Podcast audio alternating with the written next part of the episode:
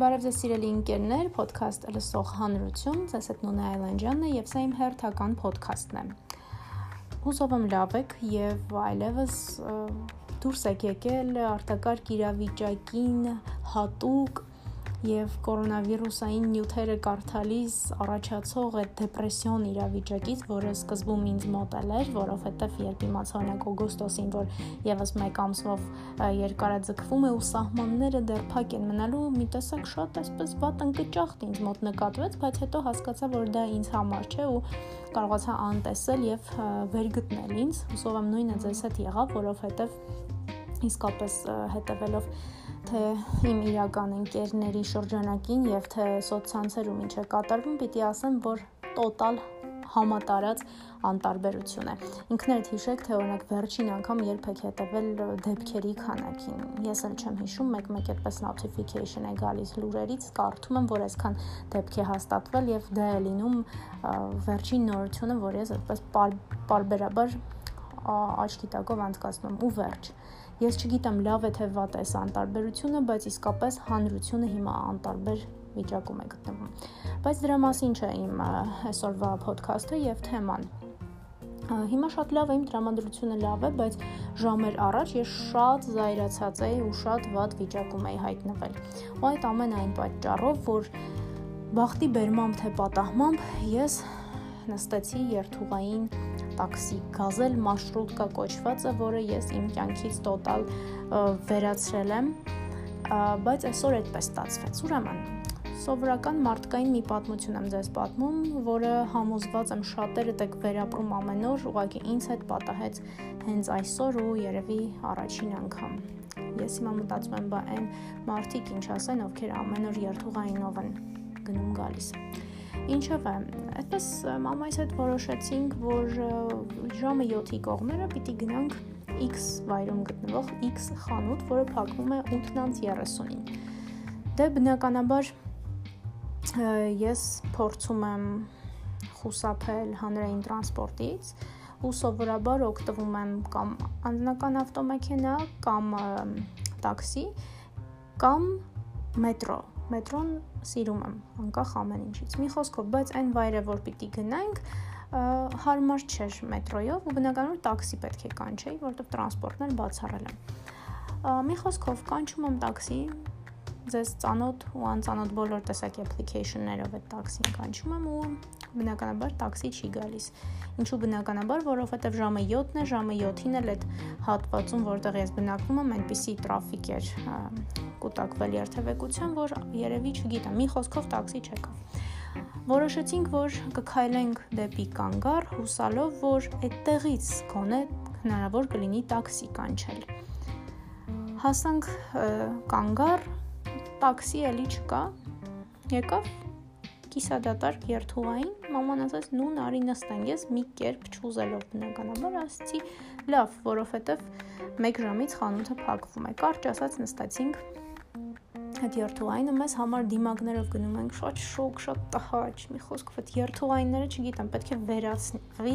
ու փոխարինվի ավտոբուսներով, էլի, այնինչ այսքան խոսվում է, այնինչ այսքան պայքարում ենք, չգիտեմ, Երևանցիներով։ Մի խոսքով, այդպես նստեցին, գնում ենք ու արդեն հա, տեղ չկա նստելու, հասկանում եք տեղ չկա, պետք է ոչ մեկ չբարձրանա։ Հասկանալի է, որ պիկ ժամ է, մարդիկ գնում են աշխատանքից։ Տուն երևի չնայած Կիրակի օրով, չգիտեմ, մի խոսքով։ Այսպես, պես հավաքվեցինք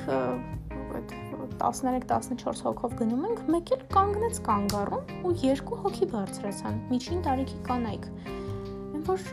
ու չգիտես ինչ ասես կամ արդյոք ասելը ճիշտ է, վարորդը կանգնեց, մարդիկ բարձրացան, Ամ չգիտեմ, այն որ ասենց նայում եմ ու ասում եմ լավ, դե արդեն շոկ, տհաճ ու ազնիվ խոսք արդեն պատրաստում եմ մամայից ասեմ, որ մամ արի իջնենք։ Գուցե այստեղից հնարավոր լինի տաքսի կանչելի վերջո այդ գրողի տարած տաքսին գոնե, չգիտեմ, ինչ որ մեկը կգա գոնե Մինչև այսպես մտքերով եմ հավաքվում, ոստիկանը կանգնեցրեց։ Շատ ուրախացա ես, ճիշտն ասած։ եւ ուրախացա եւ տխրեցի, այսպես ասեմ, բայց այդ զայրույթից պահին այդ ուրախանալն էր ավելի շատ, այն որ ասի, օ, շատ լավ եղավ, ինչի կանգնեց, որովհետեւ ինչու վարորդը կանգնեց, գիտեն, որ չպիտի կանգնեն ի վերջո։ Մի խոսքով ոստիկանը կանգնեցրեց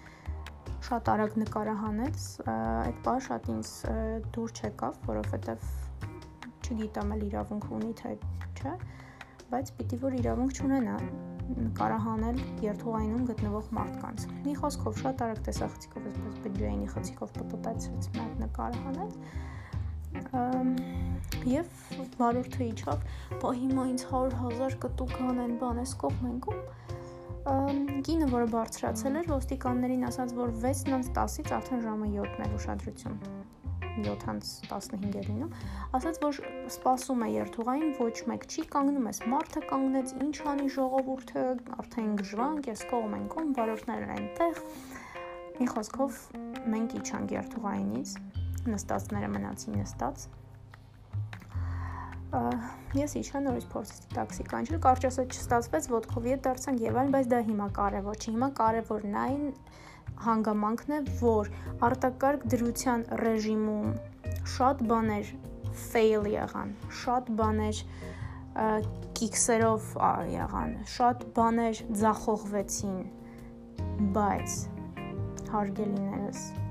հանրային տրանսպորտը այդ ձախողումներից թերևս ամենա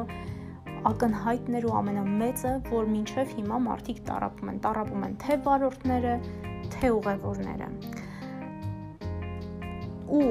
այստեղ փաստը մնում է փաստ, որ մենք չենք կարող մեղադրել ոչ մի կողմի, հասկանում եք։ Մենք չենք կարող մեղադրել ուղևորին, ով որ ի վիճակի չէ ամեն օր տաքսիով երթևեկել, ով որ ի վիճակի չէ ավտոմեքենա ձեռք բերել, ում տունը հեռու է մետրոյից ու այսպես լիքը բաներ ու ժամը 7-ին 8-ին է այդ մարդը իր աշխատանքը վերջացնում ու գալիս կանգառում կանգնում սպասում իր տրանսպորտին մենք չենք կարող մեղադրել Սա փաստ է։ Վարորդ։ Վարորդն իր հանգամանքներն ու իրավիճակն է հայտ բերում, այսինքն ներկայացնում, որ էլի ասում ես մարդը բավարար չի աշխատում, ինքն էլ հասկանում եք, այսինքն այստեղ մենք նորից հանգում ենք նրան, որ պատկան մարմինները պետք է ամեն ինչ անեին, որ առանց այդ էլ Երևանում ծայրահեղ վատ, ծանր վիճակում նողկալի վիճակում գտնվող հանրային տրանսպորտը գոնե արտակարգ ռեժիմում աշխատեր արտակարգ ռեժիմով, այսինքն կան մասնագետներ, համոզված եմ, կան համապատասխան վարչություններ, մասնագետներ, էքսպերտներ, պետք է ամեն ինչ անեին, որպիսի մարդկանց համար գոնե այս շրջանում կոմֆորտ լիներ, բայց դա չարվեց ու դա շատ վատ է։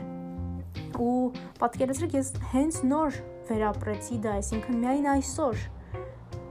Այս կես տարի է այս իրավիճակն է տիրում, այսինքն, հա, երբ ես աշխատանքի բերումով տեղափոխվել եմ Երևան եւ համավարակի բերումով առհասարակ մնացել եմ Հայաստանում, դա ուրիշ թեմա է, բայց ամեն դեպքում հենց այսօր բախվեցի այս խնդրին։ Իսկ ինչ հասան են մարդիկ, ովքեր ամեն օր են սրան բախվում։ Սա խնդիր է։ Ու հիմա 11 օրից, երբ արտակարգ իրավիճակը պետք է որ ավարտվի ու պետք է որ այլևս չէր կարա ձգվի, այս խնդիրը մնում է։ Բերեք այդ ավտոբուսները, չգիտեմ, այդքան խոսվում է, ոչինչ չենք ուզում, մենք ուզում ենք ընդհանրապես նորմալ սկսել հանրային տրանսպորտից, մենք չենք ուզում հուշարձաններ, կոթողներ, քանդակներ, չգիտեմ, եւ այլն եւ այլն։ Մենք ուզում ենք այդ հպարտ քաղաքացին ուզում է առաջին հերթին նորմալ հպարտ քաղաքացուն վայել հանրային տրանսպորտ, ապահովեք դա։ Դա շատ մեծ խնդիր է։ Կարճ ասած, չենք բրկում, ձգում մեր նյարդերը։ Մեկ-մեկ այնպեսի բառեր եմ գտնում, երբ շատ ջղայնանալուց այդպես հոմանիշների բառարանը այսպես ինստինկտյան բացվում է։ Կարճ ասած, չենք լարվում, չենք նյարդայնանում։ Արտակարգ դրության ավարտին մնաց 11 օր։ Չեմ կարող հուսադրել, որ շատ այսպես միանգամից ամեն ինչ շատ լավ է լինելու, բայց հուսանք եւ սպասենք ու ամենակարևորը շարունակենք պահպանել անվտանգության կանոնները, որովհետեւ դա առաջին հերթին անում ենք մեզ համար եւ մեր սիրելիներին։ Այսքանը, այս միջադեպը չլիներ, երբ ես ոդքասթը չէր լինի, բայց ես, ինչպես սկզբում նշեցի, շատ ավելի հաճախ են այսուհետև լինելու իմ ոդքասթները։ Այնպես որ ձեզ լավ օր եմ մաղթում, բարձր տրամադրություն